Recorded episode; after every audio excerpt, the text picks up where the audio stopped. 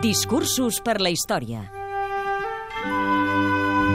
Richard Nixon, Washington, 8 d'agost de 1974.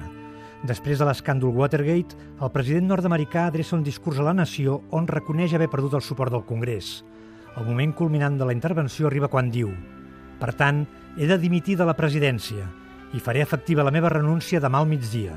El vicepresident Ford jurarà el càrrec de president en aquell moment des d'aquest mateix despatx. Because of the Watergate matter, I might not have the support of the Congress that I would consider necessary to back the very difficult decisions and carry out the duties of this office in the way the interests of the nation will require.